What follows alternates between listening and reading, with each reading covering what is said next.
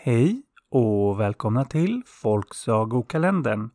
Folksagopoddens egen julkalender. Det är lucka nummer fem eller avsnitt sex beroende på hur man vill räkna. Och varje dag så är ju temat ett av Sveriges landskap och idag har turen kommit till Medelpad. Vi har återigen tagit oss till Norrland men vi är fortfarande ungefär mitt i landet, faktiskt precis nedanför Ångermanland, alltså vid östkusten. Och vill man åka dit kan man åka till till exempel Sundsvall, Timrå eller varför inte Ånge. Landskapsblomma är gran och landskapsdjur är skogshare.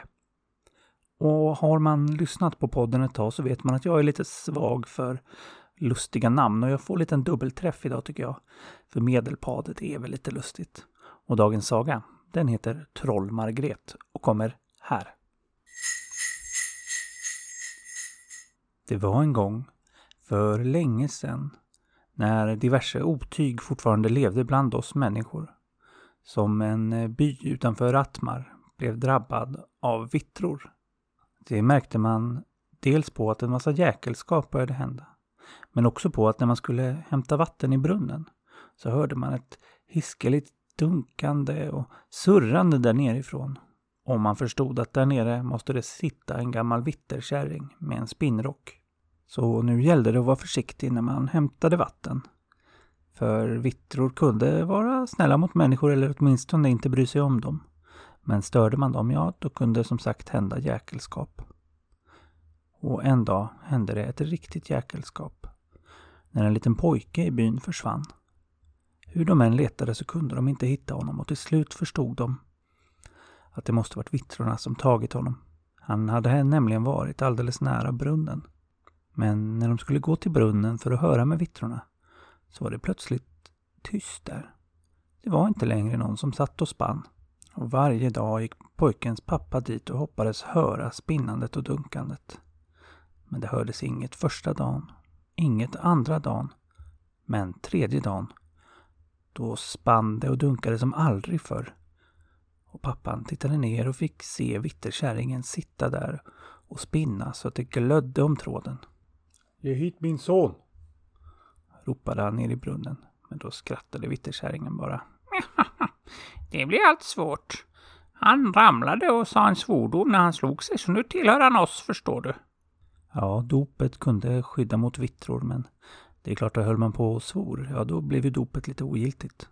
Men pappan visste att vittror inte var helt omöjliga utan frågade om det inte fanns någon gåta han kunde lösa för att få tillbaka sin pojke. Och det fanns det visst. Ja, listar du ut mitt namn så får du tillbaka han, men du måste lista ut det innan imorgon, annars är han vår för evigt. Skrattade vitterkärringen medan hon fortsatte att spinna i en hiskelig fart. Men hur skulle han komma på det? Det var ju omöjligt att veta vad vitterkärringar kunde heta. Hela dagen medan han arbetade gick han och grubblade.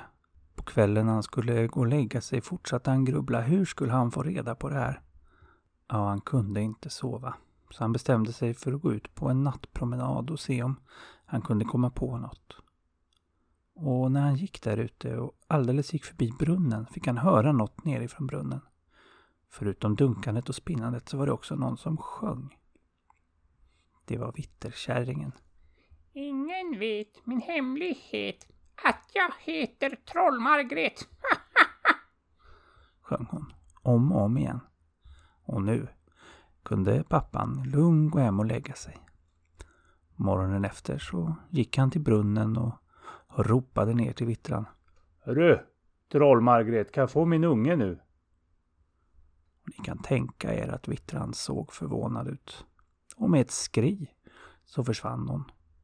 Och bredvid brunnen stod plötsligt den lilla pojken igen.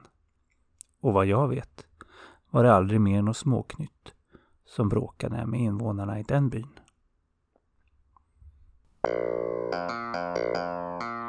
Ho, ho, ho.